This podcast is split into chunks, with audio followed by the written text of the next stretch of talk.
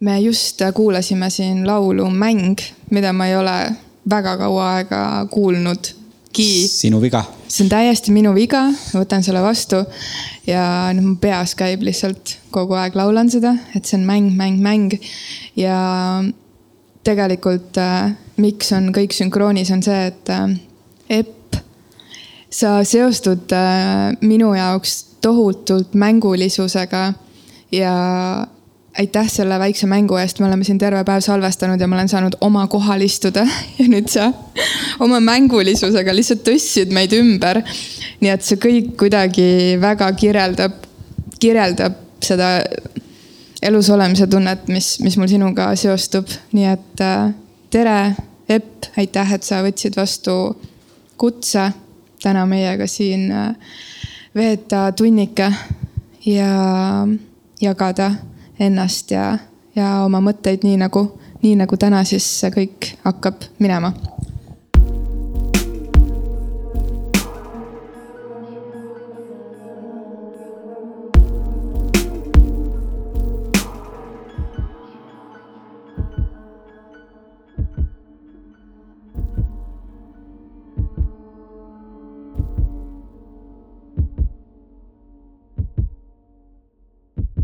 aitäh, armas Elina, et sa kutsusid, aitäh äh,, lustlik Veiko.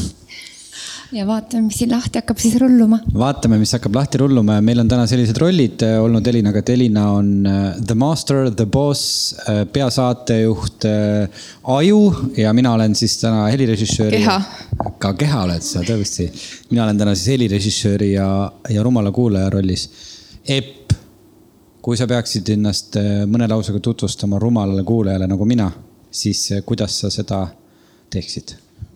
olen Epp Kärsin. olen viimased seitse aastat tegelenud äh, naudingute koolitustega.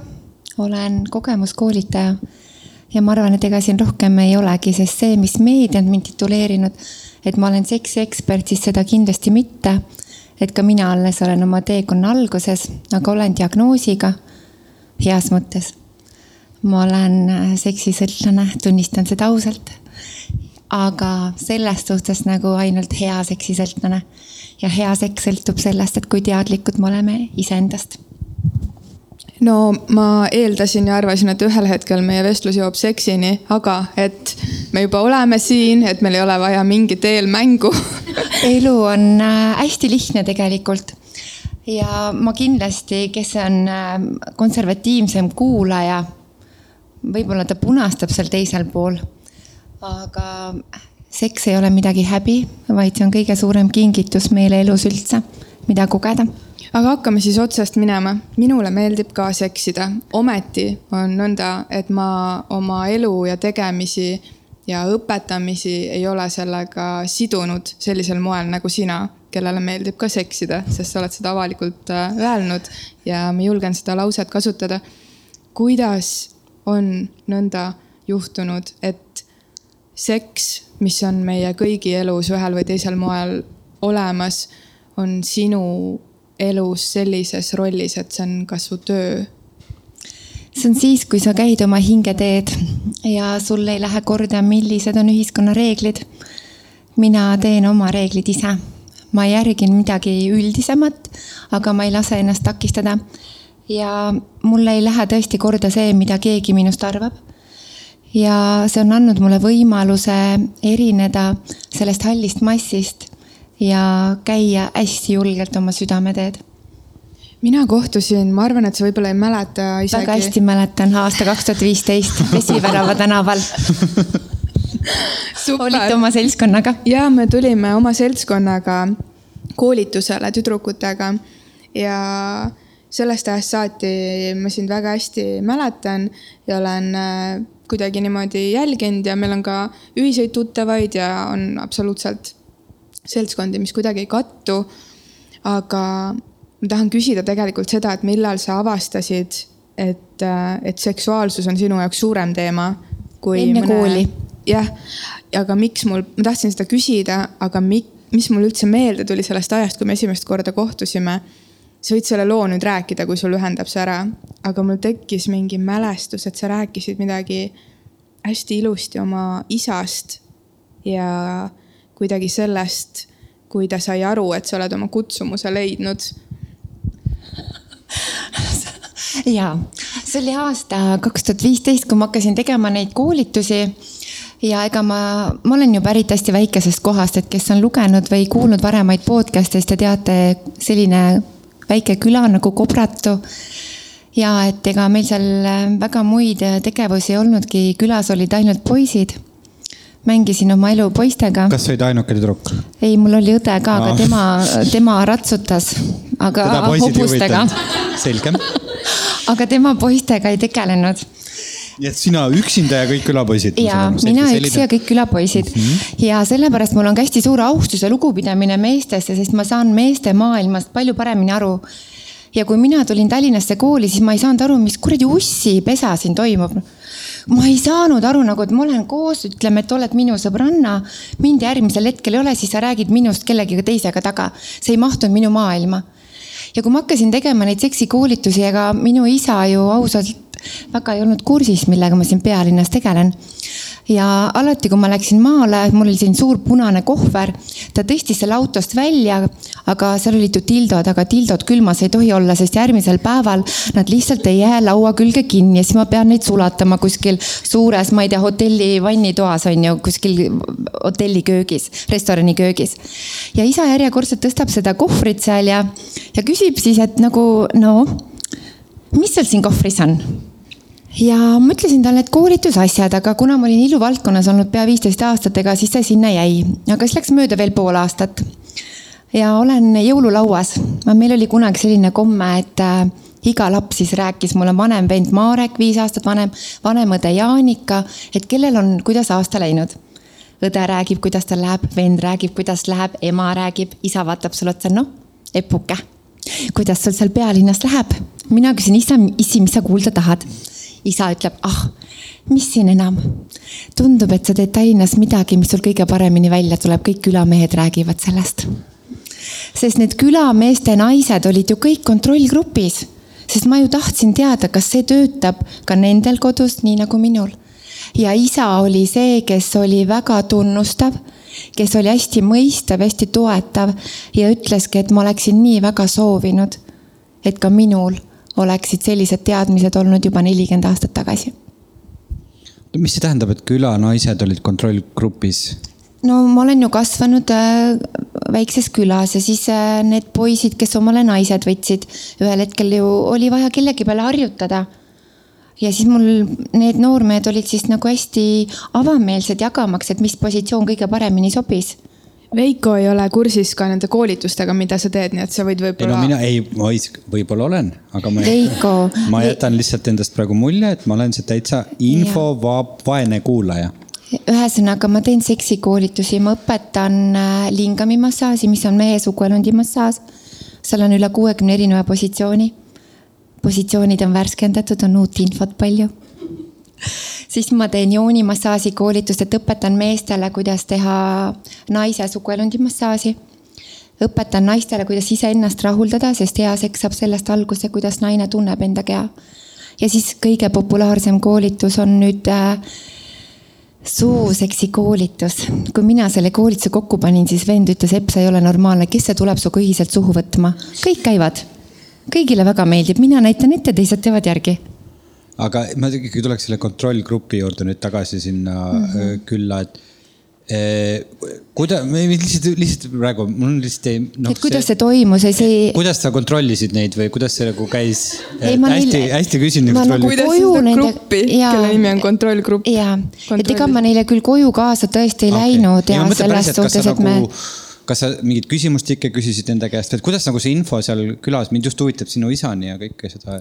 no tegelikult oligi niimoodi, et need äh, külameeste naised käisid mul koolitusel ja siis nad hakkasid ise jagama, need külamehed sellest, et kui äge see oli, et see oli ikkagi ülivõimas ja, ja nii teistsugune, et isegi põllutööde kõrvalt sa jätsid nagu vilja noh, natukene hilisemaks selle külvamise, et saaks nagu rohkem naudinguid teha ja. ja ühel hetkel kõik külainimesed olid rohkem tubades kui, kui väljas nagu ka, seda kartulit kaevamas või aiamaad. ja, ja see läks tõesti kulutuli, sest äh, iga mees jagas oma kogemust aga see siis võib olla, sinu tegevus võib olla ka ohtlik, et me võib nagu põllumajandusse jääda kängu. Ei, mehed on vastupidi palju produktiivsemad. ja neil tuleb energiat juurde.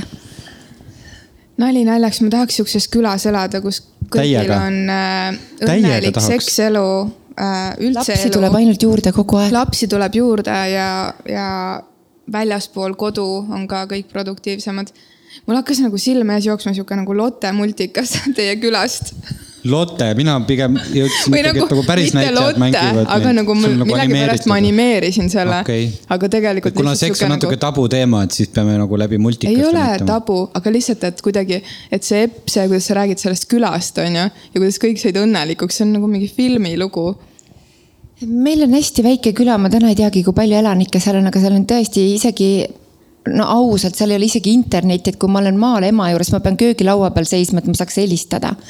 Ja ega need külased, tubased tegevused ongi sellised äh, toredad.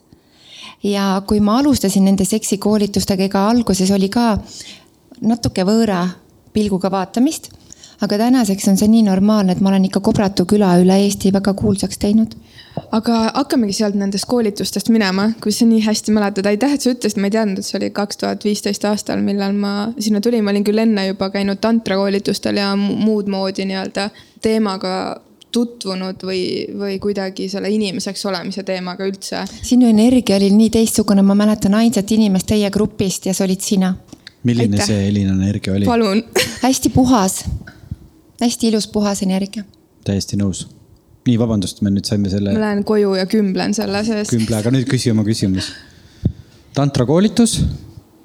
kui sa alustasid nende koolitustega, täpselt see, mida sa praegu mainisid, et äh, meil ei olnud sellist nähtust sinu näol või nende tegemiste näol sellisel moel olnud, alati kuidagi nagu need asjad toimusid varem mitte nii äh, mm, hästi turundatult või nii hästi pakendatult, et keegi kuskil midagi tegi või käis mingis kahtlases kohas midagi õppimas. ja, ja tantra on ju eesti keeles ka kuidagi, selle tähendus on nii lörtsitud, et tantra iseenesest on äh, sisuliselt ja vormilt ja, ja nagu elustiili ja kõige selle mulli juures midagi nii ilusat ja nii suurt, et seda ei saagi sõnadesse panna. et, et on olnud enne sind väga palju välismaiseid tantraõpetajaid või seksuaalkoolitajaid, kes on nii-öelda sisse tellitud siia riiki, on ju. ja sealt on saadud väga palju erinevaid kogemusi ja jutte ja, ja, ja väga palju ka miinusmärgiga kogemusi. et äh, mida see tähendab ühe naise jaoks, kes on ettevõtja tegelikult selle tööga, mida sa teed ja samal ajal koolitaja ja samal ajal ema ja samal ajal tegeled teemaga, mis on paljude jaoks ikkagi väga kuidagi habras või, või tõesti tabu kellegi jaoks. et kuidas sa, kuidas sa alustasid, kuidas sa liikusid, kuidas jah, see on su, sinu tee, on ju. Aga kuidas see algus kõik välja nägi, kui sa mõtled, kuhu sa tänaseks jõudnud oled? kas see oli raske ka algus? nagu ma enne ka mainisin, siis äh, minu seksuaalsed kogemused olid juba enne kooli. ma sain unedes orgasme. ma olin kuue-seitsmeaastane ja ma ei teadnud, mis asi see on. reaalselt, kui mina lähen magama, algab teine maailm. Ja tänaseks see materiaalne maailm ja see teine maailm, kus on võimalik käia, siin on nii õhk-õhuke sein vahel mina olen hästi teadlikult äh, tegelenud enesearenguga kindlasti juba kuskil üheksakümne aastaselt, et mul oli väga suur teejuht, kes mind sinna suunda juhatas, sest ma ei saanud aru, miks ma olen siin. ja minu maailm oli nii teistsugune. mind kutsuti tulnukaks, sest see, mis ma nägin ja mida ma rääkisin, teised ei näinud. ja ühel hetkel ma panin selle kõik enda sees lukku. sest ma sain aru, et ma ei ole aktsepteeritud sellisena, kes ma olen aga see tung oli minu sees nii suur ja ma siis vaikselt ise omaette tegelesin, suhtlesin, käisin, olin ja ma elasin täiesti teistsugust maailma, kui ma silmad kinni panin. mina kogen hästi palju läbi unede. ma reisin, ma rändan läbi erinevatest äh, kihtidest, portaalidest üles-alla kõrvale. Täna ma julgen nendest asjadest rääkida, sest neid inimesi on aina rohkem juurde tulnud, kes seda maailma mõistavad ja kui ma olin äh, kuskil kahekümne aastane, siis ma tegin oma esimese ettevõtte, Clubstyle oli see, kus ma olin seotud iluvaldkonnaga ja kuna ma olen käinud ka kõik treeneri koolid läbi, ma olen lõpetanud kehakultuuri teaduskonna, siis ma arvasin, et väga suur oluline osa on see, et kuidas inimene tunneb enda kehas. Hakkasin sellega tegelema. aga endiselt kõik paralleelselt jooksis ju kõrval minu naudingute maailm. ja kui ma jagasin enda naudinguid oma sõbrannadega, siis nad vaatasid täitsa peast soe, päriselt ka või? Oh my god, niimoodi on võimalik. ja ma ütlesin, jah, et aga proovige teie ka. teised kuulasid, aga keegi oma lugusid ei jaganud siis tuli järgmine ettevõte, kus ma olin iluvaldkonnas pea viisteist aastat ja täpselt samamoodi paralleelselt jooksis kogu aeg kõrval ikkagi see teine maailm. Ja ma põlesin oma ettevõttega läbi, mis oli siis äh, seotud äh, kosmeetikatoodetega, küünetehniku toodetega ja lõpuks ma olin emostilgutit all. ja ma sain aru, et ma olen nii vales kohas, et ma ei saa iseendale rohkem enam valetada ja ma lasin selle džinni purgist välja aastal kaks tuhat viisteist, seitsmes veebruar. ja enne seda oli väga võimas nägemus, mis mulle anti unes.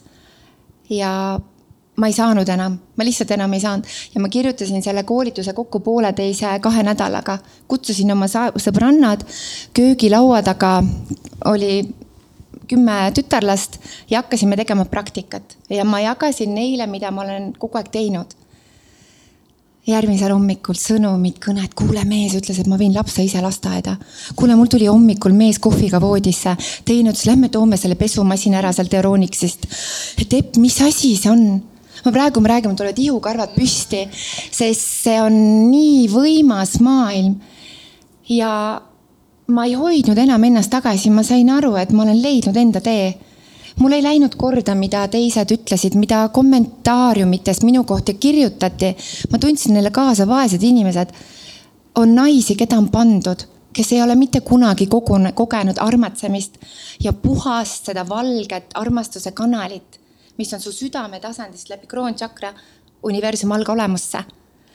ja siis on naised, kelle mehed on teadlikumad armastajad ja armatsejad nemad kogevad seda taevast paradiisi maa peal ja ma julgustan kõiki inimesi kogema seda taevast paradiisi maa peal, sest ma olen ehe näide sellest, et see kõik on tegelikult võimalik, et seks ei ole mõttetu. see ei ole see, et naine ei saa orgasme, meil ei ole teadlikkust, iga naine saab orgasmi.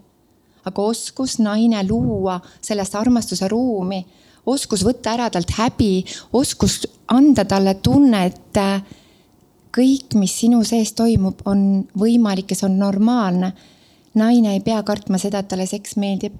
naine võib armastada seksi, ta võibki öelda, jaa, mulle meeldib seks, ma tahangi seksida.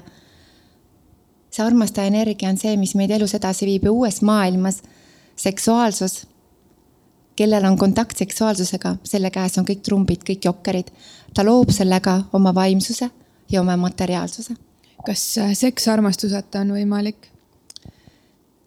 ja me saame seksida, me võime seksida ilma tunneteta, aga see pole pooltki see, kui on emotsionaalne side ja tund-, kui on tunded taga.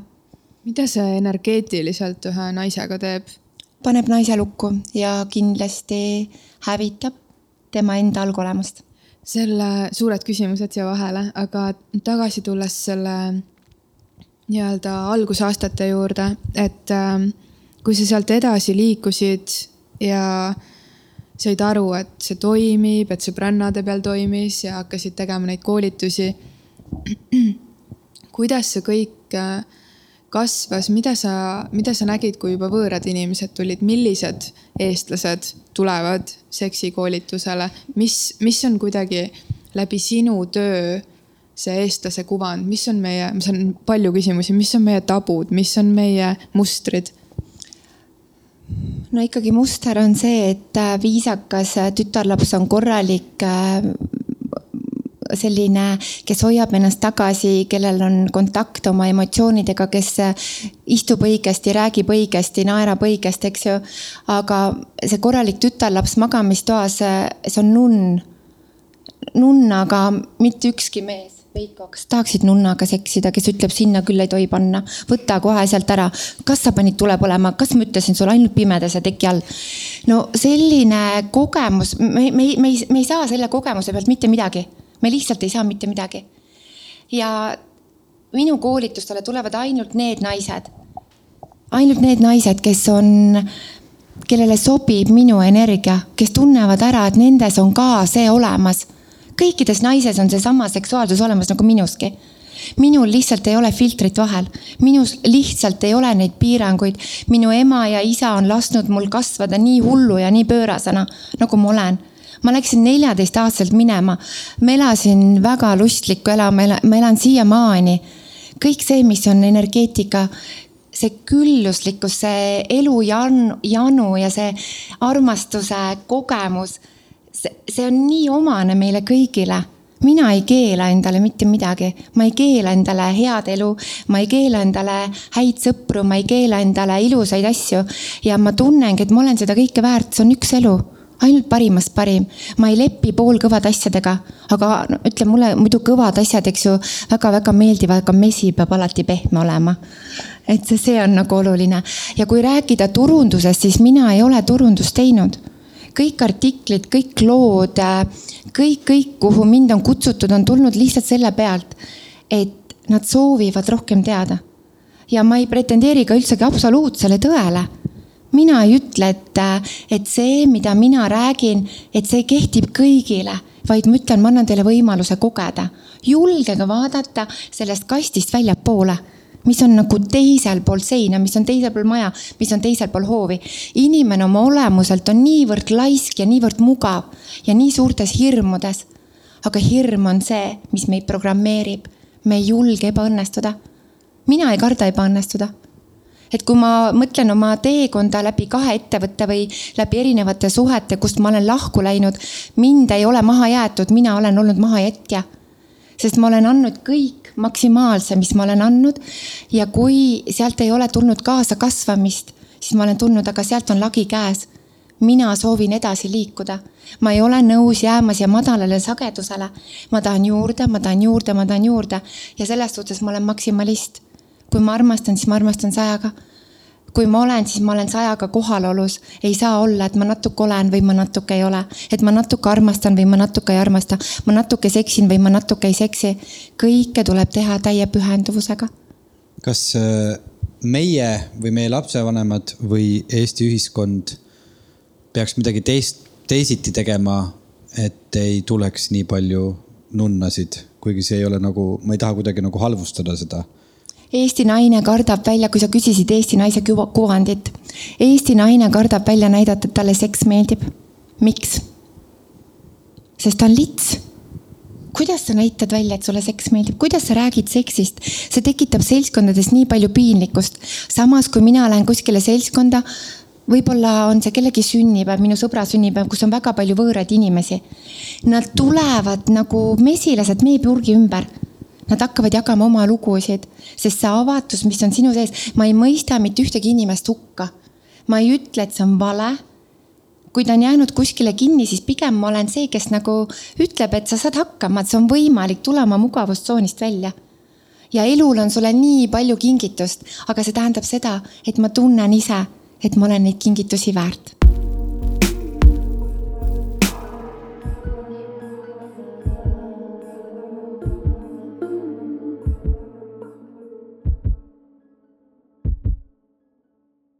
kui me räägime kõrgematest jõududest ja kes usub äh, Jumalat või kes usub äh, universumis äh, kosmoses olevaid serafiimasid, siis sinu energeetika, vibratsioon, meil on täna juba kaks paralleelmaailma.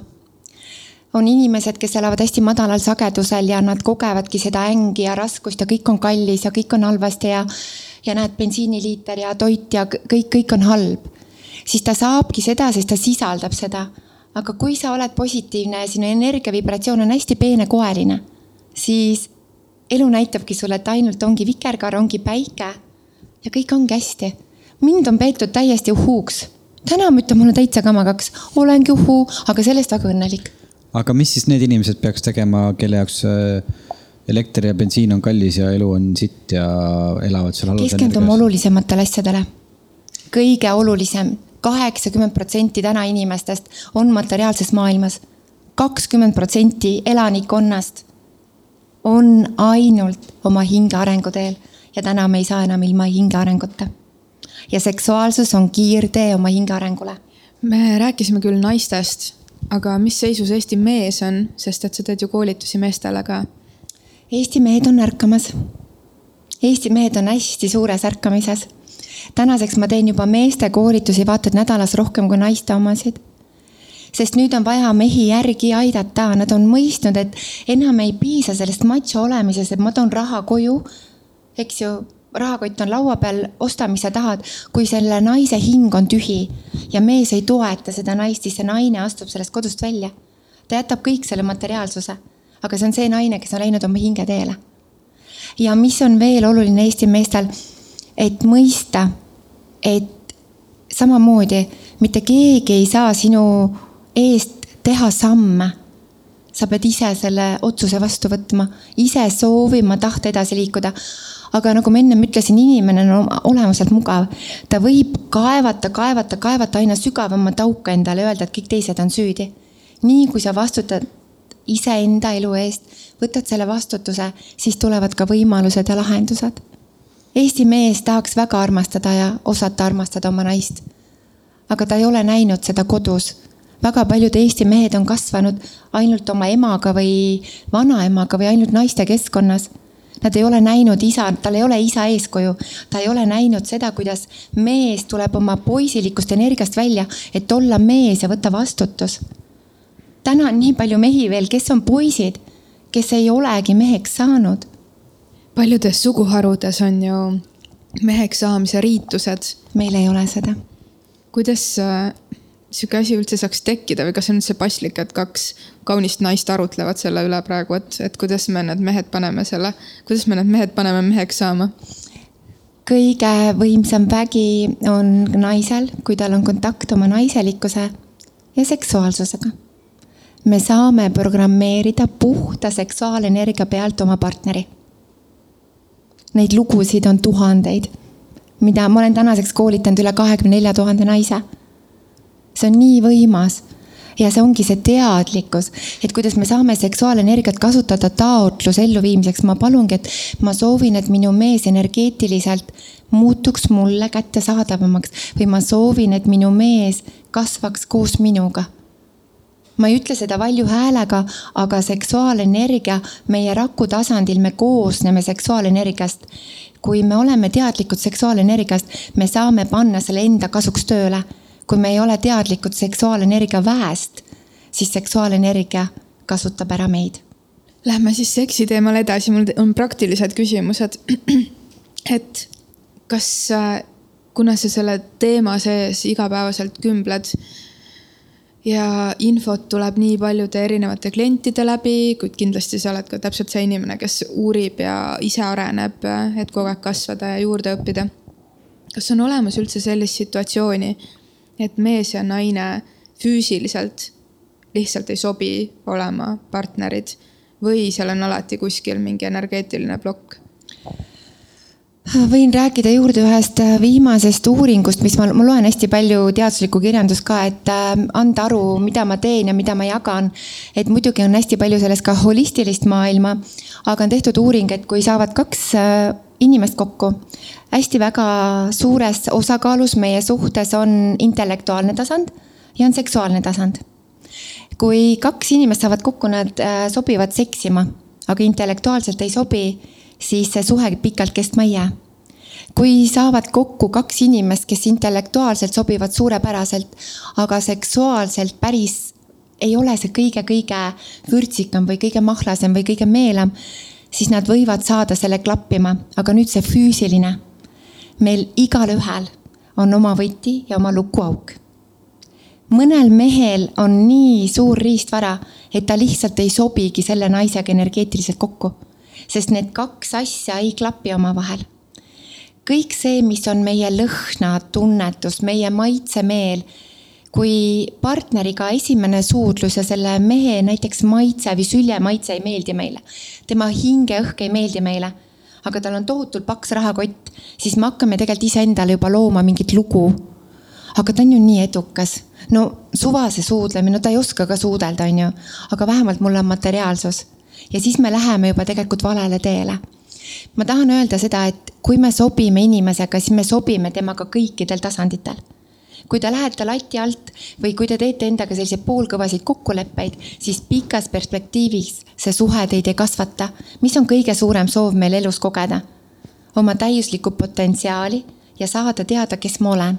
aga selleks ma vajan ka teist inimest, et annab mulle selle sisendi, et see paneb mind kasvama. Ja füüsiliselt, kui on väga paljud naised ütlevad, et aga vahekord on valus, see on nii ebamugav mulle naise tupe siseseintes on kogu tema elu, tema hirm, tema häbi, tema valu, lapsepõlvetraumad, suhtes haiget saamised, solvumised. kui mees on oma naisele hingele nii palju haiget teinud, siis füüsiliselt see on meie kehas lukus. me saame tervendada teineteist läbi puudutuste, aga selleks on vaja teadlikkust. ja seksuaalenergia on niivõrd võimas ja rumalatele inimestele ei tohigi seda kõike kätte anda, siis nad võivad seda enda kahjuks tegelikult hoopiski kasutada, mitte kasuks. ja kui on füüsiliselt naisel valus ja mees on teadlik, siis kõik äh, positsioonid, mis naise sees tehakse, on sirgete sõrmedega ja kogu see eelmängu osa mulle helistas alles kaks nädalat tagasi üks kuueteistaastane tüdruk, ütles, et nad on neli korda üritanud noormehega vahekorda astuda. et see ei lähe sisse. ma ütlesin, et olgu, et aga kui pikk on eelmäng ja ta küsib selle peale, aga mis asi on eelmäng? et meil ei ole täna koolis äh, olemas õpetust, kuidas luua teadlik paarisuhe, kuidas armatseda, mis on eelmäng? Ja väga paljud naised ei tea ka ise, millist eelmängu tema vajab. Ma olen öelnud kõikidele naistele, kui sa tahad head seksi kogeda, tule õpi oma keha tundma. et kas sa tead, kus on sinu G-tsoon, A-tsoon, kus on sinu veekanal, kus on emakakaela taskud, kus on jenmopunkt, kus on U-punkt, kus on B-punkt, kuidas saada rõngaslihaste orgasme, kuidas kogeda vaginaalset, sügavat, võimsat emakakaela orgasmi, mis on kõikide, kõikide orgasmide kuninganna sest need on nii võimsad kogemused, et mina ütlen ausalt, et mina läbi seksuaalsete naudingute pääsen läbi algallikasse. Ja need kogemused, mis ma sealt saan, ma tulen siia ja ma vormistan selle järgmiseks koolituseks. mina olen kogemuskoolitaja. ilus. ma enne, kui ma mõtlesin meie kohtumise peale, siis kujutasin ette, et me hakkame kuidagi rääkima nagu sinust ja siis ma tahaks kuidagi, et kuulda, kuna ma tean, et sa käid koolides ja siis äkki jõuame ka kuidagi nagu selleni, milleni me, millest me siis tegelikult alustasime. saame nagu tagurpidi tagasi tulla. aga nüüd siis, kui Koolid me oleme juba seksist ja kõigest rääkinud, siis Epp, sa käid koolides. ma tahaks nii tohutult kuulda, et mida sa räägid noortele seal nii palju, kui sa täna siin saad jagada ja kuidas nad seda vastu võtavad. Sest et äh, mul on tutvuskonnas mitmeid inimesi, kes käivad koolides erinevatel teemadel rääkimas ja ma olen oma sugulastega, kes on siuksed varateismelised, arutanud ka, et mida nad ootavad kooli, mida nad tahaksid kuulda. ja nad alati kuidagi ütlevad, et tegelikult, kui meil tuleb keegi loengut pidama, et siis see on meie jaoks nagu vaba tund et me tegelikult nagu ei viitsi sinna väga minna ja kõik on telefonis või ei viitsi kuulata. mis sinu kogemus on? minu kogemus on see tänaseks, et kuidas ma üldse kooli lähen, mina ise ei kirjuta koolile, tere, et ma olen Epp Kärisin, soovin tulla noortele andma loengut teadlikust seksuaalharidusest. vaid täna on see, et noored kirjutavad mulle ise. Epp, me rääkisime klassijuhatajaga, ta on nõus, et sa tuled meie kooli või äh, kui on juhtkonnas olnud väga suur vastuseis noored kirjutavad, ei, kool ütles, et nad ei luba Epsol kooli tulla, aga me tuleme sinu stuudiosse. ja ma teengi vanusele kaksteist kuni neliteist, ma teen vanusele viisteist kuni seitseteist. ja kui avatud nad on ja see kaks tundi loengut, nad on lõpus järjekorras, nad kallistavad, ütlevad, miks meile koolis keegi neid asju ei räägi. ma räägin peensusteni ära ma algan kõigepealt, et kes on kõige tähtsam, sina ise. enesearmastus, eneseväärtused, kus on sinu piirid? lugupidamine iseenda ja teiste vastu. ma räägin emotsioonidest, ma räägin tundeõpetusest, ma räägin hügieenist, ma räägin esimesest vahekorrast. ma vastan kõikidele nende küsimustele ilma igasuguse häbi ja piinlikkuseta ja see on niivõrd vabastav, nad lähevad sealt ära, nad on nii tänulikud. Et see on see, mida nad tegelikult vajavad. ja ma räägingi neile sellistest teemadest, milles koolis õpetajad ei iitsata mitte ühegi sõnagagi. aga mis me tegema peaks, et? Äh, meil on vaja ka lihtsalt reformida koolihariduses seksuaalharidus ja kõik need, kes on Haridus- ja Teadusministeeriumis, need inimesed ma olen kellegiga sealt suhelnud, isegi kahe inimesega. Kui ma alustasin aastal kaks tuhat viisteist, nad ütlesid, et koolihariduses kõik on hästi. täna ma olen ise inimeseõpetuse ühingu liige, ma lähen just nüüd aprillikuus on meil üks täiendõpe. ja täna on ka kurb see, et meil ei ole kooli õpikutes näiteks pilti kliitorist kui ma küsin äh, tudengite käest, äh, noorte käest, et kui suur on tütarlapse kliitor Nad ei tea seda, nad ütlevad, et no paar millimeetrit, sentimeeter. See on seitse kuni kaksteist sentimeetrit. ma näitan neile pilti, kuidas poiss ja tüdruk on ema kõhus, kuidas nad on täpselt ühesugused, kuidas kaheteistkümnendal nädalal hakkavad välja arenema sekundaarsed sugutunnused.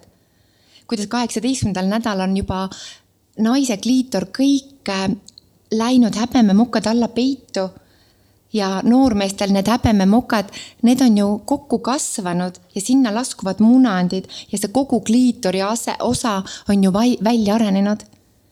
ja, ja kui, kui jagada seda teadlikkust neile, kui palju nad hakkavad iseennast rohkem austama, kui palju nende suhted selles klassis hakkavad muutuma, sest nad hakkavad ennast rohkem väärtustama läbi selle ka teisi Nad ei ole paljud näinud üldsegi kodus oma vanemate vahel sellist kallistust, suudlust, silitust, paitust. väga paljud vanemad on lahku läinud, on uued elukaaslased, väga paljud vanemad tulevad ise nii konservatiivsetest perekondadest, et nad, nad kardavad seda jagada. lapsel on nii tähtis et äh, lapsel on nii tähtis see, et äh, ta näeb seda vanematevahelist ilusat armastust. kõik meie täna lapsevanemad, kes me oleme keerulistes suhetes kelle suhted on nii valusad, kus sa iga õhtu nutad patti, aga sa ei julge lahku minna, sest sa ei tea, mis homne toob. pigem olgu igavene jama, aga sa tead, et see jama kordub homme ka.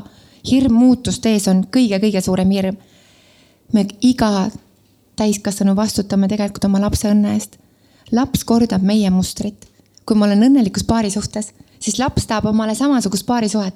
kui ta ei ole seda näinud, siis alateadlikult ta võtab omale samasuguse kaaslase, nagu ta on näinud seda koduseinte vahel. Aastast kaks tuhat viisteist on palju muutunud, mul ei ole aimugi, mis koolis on muutunud äh, seksuaaltervise edastamises ja ma isegi ei tea, mis nimeline tund on kuidagi koolisüsteemis, äh, et seda teemat tutvustada, aga kas midagi on muutunud, kas, kas, kas kuidagi ma olen suhelnud järjest nende noortega endiga ja alles hiljuti helistas mulle üks tütarlaps, ta on seitsmeteistaastane ja temal tuli mõte teha kaardipakk küsimustega, küsimused, mida sa peaksid teadma enne vahekorda. ja nad olid tahtnud, et ma läheksin kooli. ja siis koolis oli ka tulnud kuidagi vastuseis, et ei ja ma ütlesin, et teate, tulge mulle minu stuudiosse ja ma annan teile selle info täna on noored nii elujanulised, täna on neil nii palju infot, neil on internet, neil on Google, nad saavad sealt nii palju vastuseid. aga veel, mis noori väga palju mõjutab, on porno ja see rikub nende maailma. päriselus mitte ükski naine pole, pole kohe valmis, nii nagu pornofilmis paistab.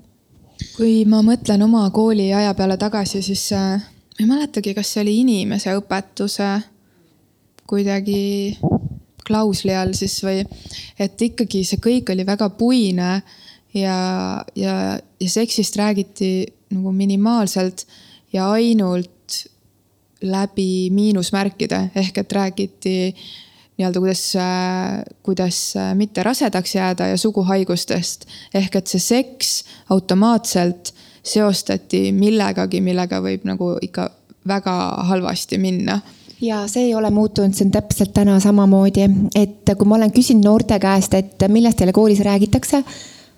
täpselt Elina, nagu sa ütlesid, räägitakse kondoomi kasutamisest, räägitakse rasedusest, räägitakse suguhaigusest, aga millest ei räägita? düsfunktsionaalne paarisuhe. üks õnnetu inimene, kes on väga keerulises paarisuhtes, mis temaga juhtub? immuunsüsteem langeb, stressitase tõuseb, depressioon, ärevushäired paanikahood. tekib ka väga suur äh, emotsionaalne selline lõhestumine. hing lihtsalt läheb katki selle pinge all ja me täna teame seda, et kui me oleme õnnelikus paari suhtes, me oleme vaimselt ja füüsiliselt palju tervemad ja tugevamad ja ka majanduslikult edukamad, et selle kohta on ka uuringuid tehtud. Et üks õnnelik paarisuhe on tervele ühiskonnale nii suureks kingituseks ja üks katkine paarisuhe, üks inimene, kes on õnnetu, ta pidi energeetiliselt mõjutama väga-väga tugevalt oma kõrval olevaid inimesi, et ta kannab seda negatiivset energiat. tal on kõik halvasti ja nii edasi. aga see inimene, kes on positiivne, kellel on see armastuse energia, ta mõjutab positiivselt samamoodi oma inimesi aga kahjuks neid inimesi, kes võivad täna panna käe südamele, öelda, et ma olen nii õnnelikus paari suhtes. ma armastan iseennast, ma tunnen, et mu elu on täisväärtuslik, mu iga päev on elu. meie sünniõigus on elada lihtsalt õnnelikku elu ma olen väiksest peale rääkinud seda, et kuidas mina ei hakka tööl käima, mina ei ole täna tööl käinud. palgatööd kui sellist, et ma lähen kuskile ettevõttesse tööle, et ma olen kaheksast viieni tööl. ei, kus, kus ma selle oma vaba aja võtan, mul on kakskümmend kaheksa puhkepäeva, see pole võimalik. ma lihtsalt keelduksin sellist elu elamast. iga inimene peaks oma potentsiaali kätte saama sellega, et ta usub iseendasse. tahe ja usk on kaks asja, mis aitavad meid elus edasi kui meil ei ole tahet ja meil ei ole usku iseendasse, siis mitte keegi seda usku meie sisse panna ei saa. mina olen loonud omale täpselt sellise elu, nagu mina elada tahan ja ma olen alles oma teekonna alguses. mitte kuskil Euroopa Liidus ei ole selliseid koolitusi, nagu mina täna teen. alles hiljuti, see oli, tänan, mis päev täna on meil? pühapäev. sain ka just teada, pühapäev. tänan ja pühapäev, et alles äh, reedel kirjutas mulle üks naine, kes on vaegkuulja ma ei ole koolitanud mitte ühtegi vaegkuuljat, ütles, nemad tulevad oma tõlgiga seksikoolitusele. ma ei kujuta ette, kuidas me seda vaegkuuljate seksikoolitust, ma arvan, nii nagu ikka, aga see saab ka olema minule väga huvitav kogemus. ja ma olen koolitanud pimedat ühte noormeest, kes oli täiesti nii, et mitte midagi.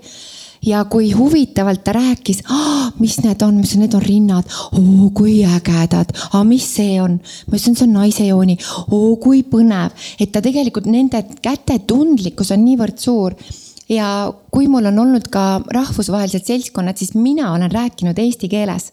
Eesti keel on nii ilus keel ja ma unistan sellest, et ma käin üle maailma, ma räägin eesti keeles koolitusi ja need on sünkroontõlkes ma ütlen korraks siin kuulajale veel vahele, et kui meil on noored kuulajad, kes, kes on ise koolis ja teil on huvi kuidagi äh, seksuaalsuse teema avamise osas ja praegu siin äh, Eppu, Eppu kuulates on tekkinud tunne, et tahaks, tahaks just temaga sellest rääkida. või, või kuulata siis äh, Räägi koolis oma klassijuhatajaga või kui teil on keegi, ma ei tea, kes seda valdkonda haldab, tehke see ettepanek, et EPP kooli kutsuda. ja nagu sa kuulsid ka, et, äh, et kui kooli poolt tuleb vastuseis, siis alati on võimalik minna, panna oma kamp kokku ja minna EPU juurde. mul on tunne, et see oli oluline kuidagi veel välja ja, tuua. ja see ongi oluline, et Äh, noortel on soov teada ja nii paljud lapsevanemad kardavad, ma olen sellest nii palju rääkinud, nad kardavad lapsele seksist rääkida, äkki hakkab varem laps seksima. aga statistika on hoopis vastupidi, mida rohkem laps seksist teab, seda hilisemaks lükkub tema esimene vahekord ja nad suhtuvad ka oma kehasse kui templisse, see ei ole mingi läbisõiduhoov nii paljud noored, kes on vanuses viisteist, seitseteist jõudnud minu loengule, nad on öelnud, et nad oleks tahtnud neid asju kolm-neli aastat tagasi saada teada mis vanuses täna hakkavad noored seksima? väga paljud viies-kuues klass juba seksivad nagu nugised. vanematel ei ole aimugi sellest, millega lapsed tegelevad.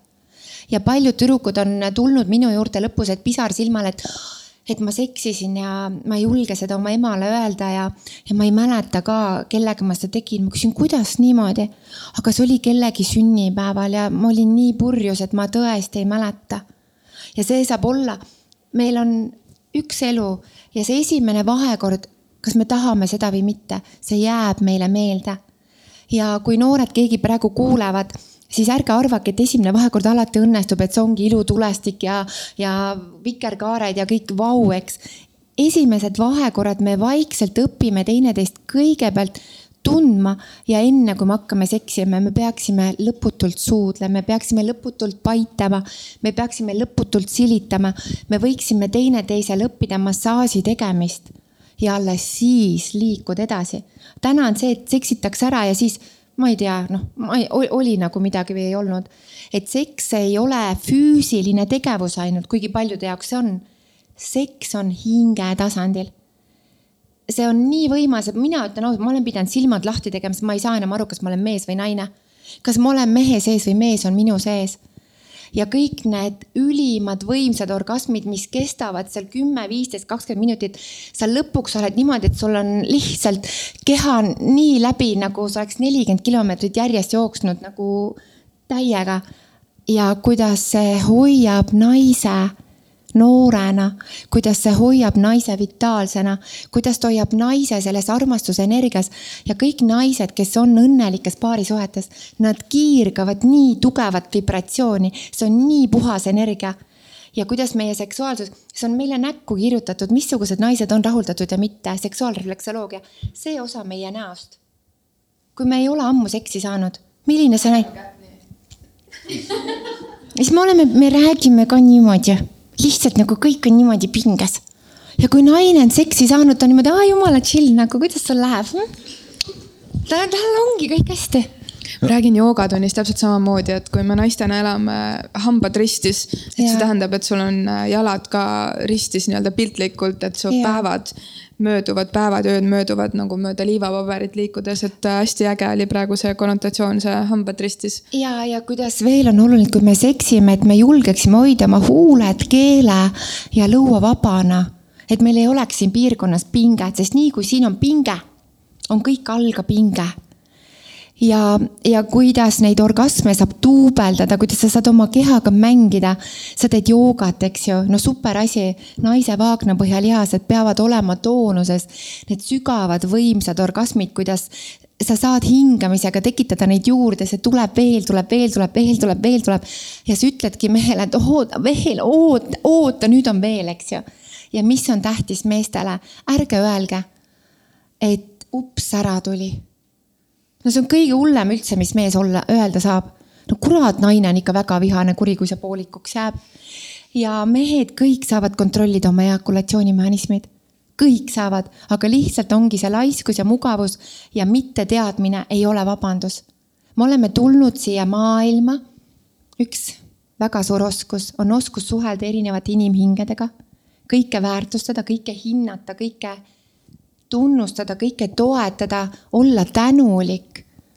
inimese hing, kui ta on suur hing, siis elu pakub teile imelisi väärtusi. kui sa oled oma hingelt väike, sa ei oska märgata, sa ei oska tunnustada, sa oled teiste peale kade, sa oled õel, sa oled vastik, siis su hing lihtsalt, lihtsalt, lihtsalt kahaneb ja sa muutud väiksemaks kui tolmukübe. ja selline inimene ei muuda ühiskonda paremaks. mõtle iga päev, et mida sina saad ise anda endast, et inimesed sinu ümber oleksid veel õnnelikumad. aga eelkõige number üks asi on see, et sa pead olema ise tasakaalus. sinu anum peab olema täidetud. ja kui sa täna ei ole õnnelik, siis mõtle, hakka esitama küsimus, aga miks ma ei ole õnnelik? mul on väga kehv töö, aga miks sa läksid sinna kehvale tööle? no ma ei julgenud kandideerida teisse töökohta, sest seal äkki olid suuremad nõudmised, aga sa ei väärtusta ennast õpi juurde, kasva, arena. kui sul on kõik trumbid sinu käes, siis elu, sa saad ainult järgmisele, järgmisele, järgmisele tasemele ja lage kui sellist meil ei ole tegelikult olemas. Epp, kui meid kuulavad või sind kuulavad, meie saadet kuulavad äh, inimesed, mehed, kes armastavad mehi või naised, kes armastavad naisi, kas, kas nad on ka oodatud su juurde koolitusele? minule ka meeldivad väga naised mul on suhteid olnud ka naistega, et selles suhtes ma üldse ei häbene, sest, sest muidu ma ei teaks, kuidas panna kokku koolitus Naine tunne oma keha. ma olen teinud seda teisele naisele, mulle on seda tehtud ja ma võrdlen naisega armatsemist kui armatsemist iseendaga. sest teine naine puudutab sind nii, nagu sina soovid iseennast puudutada ja teadlik mees on ka selline mees, kes oskab naist puudutada tema hinge tasandil. ta paneb hingekeeled helisema. aga see tähendabki seda, et mees paneb kõrvale oma ego, mitte mina, mina, mina. vaid magamistoa reegel number üks on see, naine peab saama seksuaalselt rahuldatud. ja alles hiljuti käis mul üks gei noormees koolitusel, seal oli kolmteist naist ja üks gei noormees. ja kui me tegime lingami massaaži, tildod on laua peal, siis see mees kommenteeris, kui hea kui hea eppus sa tead, et see on hea, see on tõesti nii hea, onju. ja siis ta jagas veel oma kogemusi sinna juurde, et sa olid nagu täiuslikkuse kombo nii et käivad nii gei-noormehed kui ka käivad äh, naised, kes on naistega, mehed, kes on meestega. mina armastan inimesi, mulle meeldivad inimesed. ma ei karda inimesi, mul ei ole mingisuguseid eelarvamusi. mina arvan, et iga inimese hing on ilus ja hea ja see inimene, kes on kibestunud, õel ja vastik, tema sees on läinud midagi katki, et ta selliseks on muutunud, aga selline inimene vajab kõige rohkem armastust. et sa saadki talle saata seda armastust no mina igal juhul teen ettepaneku kõik Eesti koolidirektorid saata EPPO juurde koolitusele. sest ma olen ise olnud äh, nüüd aasta aega ühes koolis nagu teinud draamaringi äh, noorte õpilastega. me võtsime ka teemaks, et me üldse kaardistasime, mis on noorte inimeste mõtted, mida nad, millest nad räägivad, millest nad mõtlevad ja noh, asi, mida me oleme siin Elinaga omavahel rääkinud, siin saadetes rääkinud ja ma, mida ma kuulen ka sealt koolist, ongi tõesti, et neil on kohutav puudus kõigest sellest, millest kodus ei räägita, ehk siis seksuaalsus, vaimne tervis, armastus, kõik nagu need asjad, mm, mis nagu mingisuguse konservatiivse vaate järgi ei kuulu nagu kooliprogrammi juurde, sest koolis me peame õpetama ju teadmisi, et kuidas noh, nagu asju, mida saab paberile panna, et kaks pluss kaks võrdub neli et äh, ma olen ka väga meelt ühinema selle rongkäiguga, kui keegi tahab äh, hakata haridussüsteemi muutma, sest et noh, nimesid nimetamata, aga et kui nagu koolidirektor esineb õpilastele lause, lausega, et äh, minu koolist ei tohi käia kapuutsidega, pusadega, sest et see ei ole lihtsalt nagu sünnis. noh, see on juba, mis paneb inimesed nii lukku minu meelest ja noh, see käib ju üle Eesti niimoodi erinevalt, nii et. ja fakt, et ta ütleb, et see on tema kool, on no, päris kohutav. võib-olla ma natukene nüüd äh, olin karm võib-olla ta ütles ikkagi meie kool, meie koolis, aga see on minu arust veel passiiv-agressiivsem. meie koolis ei käida kapuutsidega pusaga. et minul on tulemas alles nüüd kohe varsti maikuus väga huvitav, ma olen unistanud sellest, et ma saaksin olla ülikoolis äh, seksilektor ja ma lähen äh, Tartu Ülikooli tudengitele andma loengut ja teen seda täiesti pilootprojektina. ma ootan sinna pea rohkem kui sada tudengit sellesse auditooriumisse. akadeemilises hariduses ei ole võimalik omandada seda, mida mina oma koolitusel jagan. ma olen kogemuskoolitaja tänaseks, ma olen nii enesekindel lihtsalt sellepärast, et ma olen koolitanud tuhandeid, tuhandeid inimesi. ma arvan, et Eestis ei ole enne mind olnud ühtegi inimest, kes oleks hommikust õhtuni, ma töötan ju esmaspäevast reedeni. mul on praktiliselt kaks koolitust päevas, järgmine nädal ma töötan seitse päeva järjest, esmaspäevast pühapäevani lähen veel ka Saaremaale koolitusi tegema ja ma olen sellepärast nii enesekindel, et need tuhanded inimesed on andnud ju mulle tagasiside. et ma olen võtnud nende seest ära selle hirmu ja häbi ja andnud neile rohkelt teadlikkust. Nad lähevad koju, neil on konspektid kaasas, täiuslikud konspektid kilekaante vahel.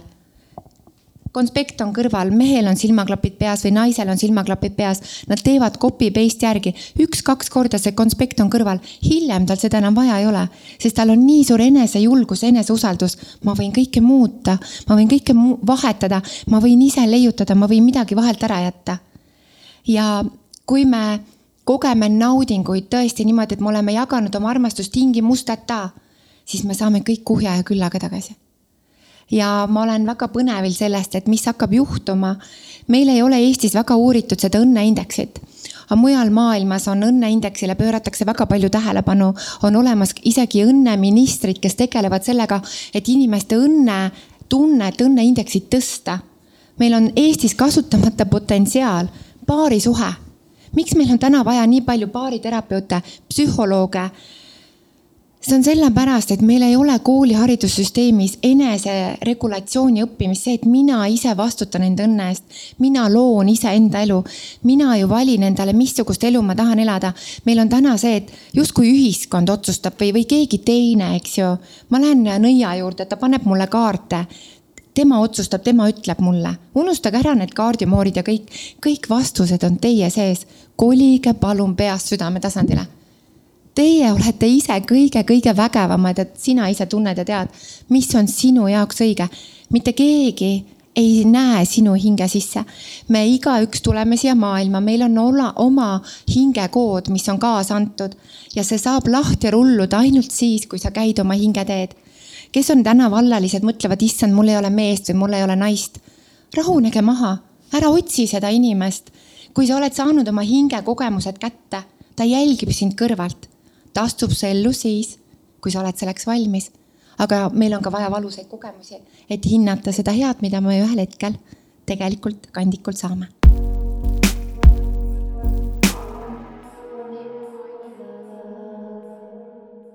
Epp, ma, ma arvan, et üheksakümmend üheksa koma üheksa, üheksa, üheksa, üheksa, üheksa sinna väga saja lähedale noogutan kõigega, kõigega kaasa, lihtsalt see üks, üks osa oled lihtsalt sina, mis oled, mida kuskil mujal ei ole. et et nõustun ja noogutan kaasa. ja absoluutselt sind äh, proovida kuidagi, proovimata alla tõmmata, aga ma pean küsima, sa tundud lihtsalt, et, et sa tundud liiga täiuslik, et tõsi olla, sa oled lihtsalt imekaunis imeliselt riides, lõhnad hästi, tuled kuskilt midagi tegema, siis sa ilmselt jooksed midagi tegema ja räägid seda, kuidas, et kõik on meie luua. kas sul on üldse kunagi mingi selline hetk ka, kus sa tunned, et sa oled täiesti tössis või täiesti mõttetu ja nutune ja mõtled, et kus see Epp nüüd on, kes ütleb, annab teistele head nõu või kus see Epp on, kes mulle annaks head nõu või päriselt kakskümmend neli seitse sa oled kogu aeg nii särav? no need, kes mind tunnevad nad teavadki, et ma olengi selline, minu põhiolemus ongi selline ma ei ole saanud täiskasvanuks, minu sees on see lapselikkus. mul tütar ütleb emme, kui me läheme temaga sööma näiteks koos äh, tema sõpradega restorani, ta loeb mulle sõnad peale, ära räägi sellest, ära seda tee, ära seda tee, siis ma olen mm -hmm, mm -hmm, mm -hmm. ma arvan, et ma olen äh, hästi tugevas kontaktis oma väikese Epuga, kes on endiselt minu sees. samas mul on ka kontakt selle täiskasvanuga aga mul ei ole tunne, et ma peaksin olema selline tõsine. kui minu elus on raske moment, on olnud, siis mida ma kõige rohkem vajan? ma vajan vaikust ja ma vajan ühte pilli, mida ma mängin nõrkemiseni. mulle meeldib see rav vast ma lihtsalt, ma vaatan, kell on pool kaksteist, et ma olen koju jõudnud õhtul, eks ju. ma mängin pool tundi kuni kaheteistkümneni ja siis ma avastan, kell on pool kaks, appi, ma pean kell kümme juba koolitust andma et minu põhiolemus äh, on kergus, lust ja rõõm. ma olen aru saanud, et kõik see, mis jääb sellest kõrvale, ei kuulu mulle. ja ma olen teinud oma otsuseid selle järgi, et mitte, mida teised must mõtlevad. ma olin hästi raskelt koroonas alles detsembrikuus. Ma olin nii haige, ma kaotasin kõik oma juuksed. mul olid pikad paksud juuksed üle selja ja ja ma olin nii raskelt haige, et mul leiti kopsutromb lõpuks, sest mul oli kahepoolne Covid kopsupõletik, nelikümmend protsenti kopsukahjustust. ja kui ma kutsusin endale kiirabi järgi, siis ma olin juba kolm nädalat kodus haige olnud. ma roomasin mööda vaipa, et jõuda vannituppa. Ma ei, ma ei võtnud ema ega ma ei võtnud mitte kedagi oma lähe, läheringkonna, ma ei tahtnud, et keegi tuleb minu juurde ja ma lihtsalt magasin, ma nutsin, ma ulgusin ja mõtlesin, et see on kõige võimsam puhastus, mis saab üldse olla minu sees. ja ma tegin restardi, ma tegin sellise restardi, et äh, täna ma ei raiska minutkitki ega sekundit mitte ühegi inimese peale, kes ei ole enam minu inimene. meil hakkab äh, alati nagu juhtub see, et tunnike saab täis ja ma lihtsalt olen siin ka see, see taimeri ta,, taimeri mees äh, ja kas midagi Epp on, millega sa tulid täna siiapoole mingite mõtetega ja mida me ei ole taibanud veel küsida sinu käest või midagi, mida sa kindlasti tahtsid täna rääkida? ma tahan öelda kõikidele inimestele, kes te kuulate. me oleme kõik väga erilised. Et meil kõigil on võimalus äh, elada imelist elu. väärtustage ennast rohkem, hinnake ennast rohkem tundke, et mitte keegi teine ei saa võtta otsuseid vastu, ärge olge hirmudes, ärge olge ühiskonna normides ja reeglites, lõhkuge need ära. lollide jaoks on reeglid, targad teevad neid ise. Aitäh, Epp, et sa äh, tulid meiega ja istusid siin ja kinnitasid äh, endiselt äh, minu ja tõenäoliselt ka paljude teiste inimeste arvamust, et me peame rohkem võitlema selle nimel, mida meie järeltulevatele põlvkondadele räägitakse ja et see info oleks selline, mis aitaks meil kõigil olla õnnelikum. ja veel, meie ühiskonnas on hästi palju programme, millega meid programmeeritakse. Palun avage oma silmad, tunnetage südamega, kolige palun peast südame tasandile. ja te hakkate märkama, kuidas me oleme konksude otsas mina olen ennast lahti loginud kollektiivsest alateadusest. mul on ühendus täiesti puhtast algallikast ja ma arvan, et see ongi see, mis on andnud mulle selle väe ja jõu, sest mina olen ainult kanal. mina olen see, kes võtab sealt ja toob siia. olge armastatud ja hoitud. Aitäh, Epp, sa oled äh, imeline, ma väga imetlen su tööd ja julgust ja, ja tegemisi ja mul on hea meel, et, et meil kõigil on võimalus valida, mis, mis infosse omadega jõuda ja, ja võib-olla palju nööpse, mida siit kaasa võtta. aga kõige ägedam on see, et, et need noored, kes ise võtavad ühendust ja tahavad ise kasvada, sest et nemad saavad sealt ise uusi valikuid teha. Nii ilus. ja ma tahaks väga tänada neid inimesi, kes täna tulid siia meid kuulama selles mõttes, et me oleme olnud nii või teisiti ju siin läbi viimaste aastate, kes nagu vähemal, kes rohkemal määral luku taha pandud äh, erinevate kriiside tõttu. nii tore on, et, et on saadud nagu koos energiat vahetada ja siin istuda ja nii armas, et te olete kõik need kolm vestlust, kes on vastu pidanud, nii et suur tänu ka meie publikule, kes täna siin oli, nii et see ja. aplaus on teile. aitäh, iseendale tehke aplaus. aitäh. ja kuidagi veel päeva lõpetuseks võib-olla lihtsalt see, et ma arvan, kõik, kes olid algusest peale äh, siin, märkasid, kui palju mingisuguseid ühiseid külmatäpid ühiseid äh, noote tuli läbi kolme erineva, väga erineva inimese taipamistest. et väga-väga-väga. Äh, aga ilus. see on sellepärast, et universumis me üks väli ja kui sa oled sellega ühenduses, siis me räägime läbi enda tõlgenduste väga sarnaselt samu asju. nii et et äh, ja aitäh, siia kaamerasse võib ka lehvitada, Epp võib ka lehvitada, see läheb meile Patreoni toetajatele ja, ja jõuab, jõuab sinna voogu. uh, mõnus, aitäh. pühapäev on veel nii palju jäänud järele, et, et on veel päikest või, või on ta nüüd alles tulnud, ma ei teagi.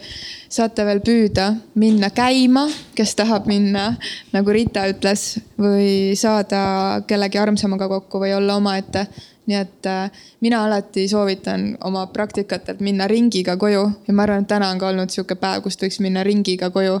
et mitte kohe automatismi laskuda ja lihtsalt natukene lasta settida, sest millegipärast sa valisid täna siia jõuda. nii et aitäh kõigile, aitäh Epp sulle. kas äh, Veiko, sa ulatad pakikese sealt Epule? mul on ka teile kingitused. ohoh, no nii, siis on vahetus aitäh, Elina räägib, mis siin sees on ma olen seda juba rääkinud, teised on kuulnud, aga sina ei ole, see on oluline, et sa kuuleksid. Äh, Chado teepood. mu lemmik teepood, ma ostan sealt ainult jasmiiniteed. nii, aga nüüd saad midagi muud ka. Dahong Bao on üks oolong, mis on punase rüütee. Mm, katseta seda, et on selline röstitud äh, mõnusa mekiga. aga teine taim, millest ma ei tea, kas sa oled kuulnud, aga äkki oled, Damiana ja kui see ei ole, siis on sul veel avastamist, võib-olla ka oma loengutesse midagi juurde panna, sest Damiana on, on üks selline taim äh,. Damiana nimeline taim, mis on ka looduslik afrodisiaakum. tahtsin just öelda seda, et see on see taim. -hmm. nii et äh, palun. ja jube hästi töötab nii, ja siis teile on minu poolt kingitused, mis on hästi populaarsed meil äh, Intiimse EPP valminud koostöös Tartu Ülikooli loodustäppisteadusega on imeline, ta on võitnud ka Prantsusmaal iluauhinna. oota, mis see minuga teeb? see peseb su pepu puhtaks. No võid seda endale ette kujutada. Okay.. siis on siin ülipopulaarne kehakooria, kooriga sina kindlasti oma keha, eks ju ja siis on ähm, kookosõli, mis on üks ja ainus Eestis. just täna hommikul kirjutas üks mees, et Epp, ma tellisin äh, teie kookosõli, see on mu parim investeering, ma ei kasuta mitte ühtegi libestit enam peale seda.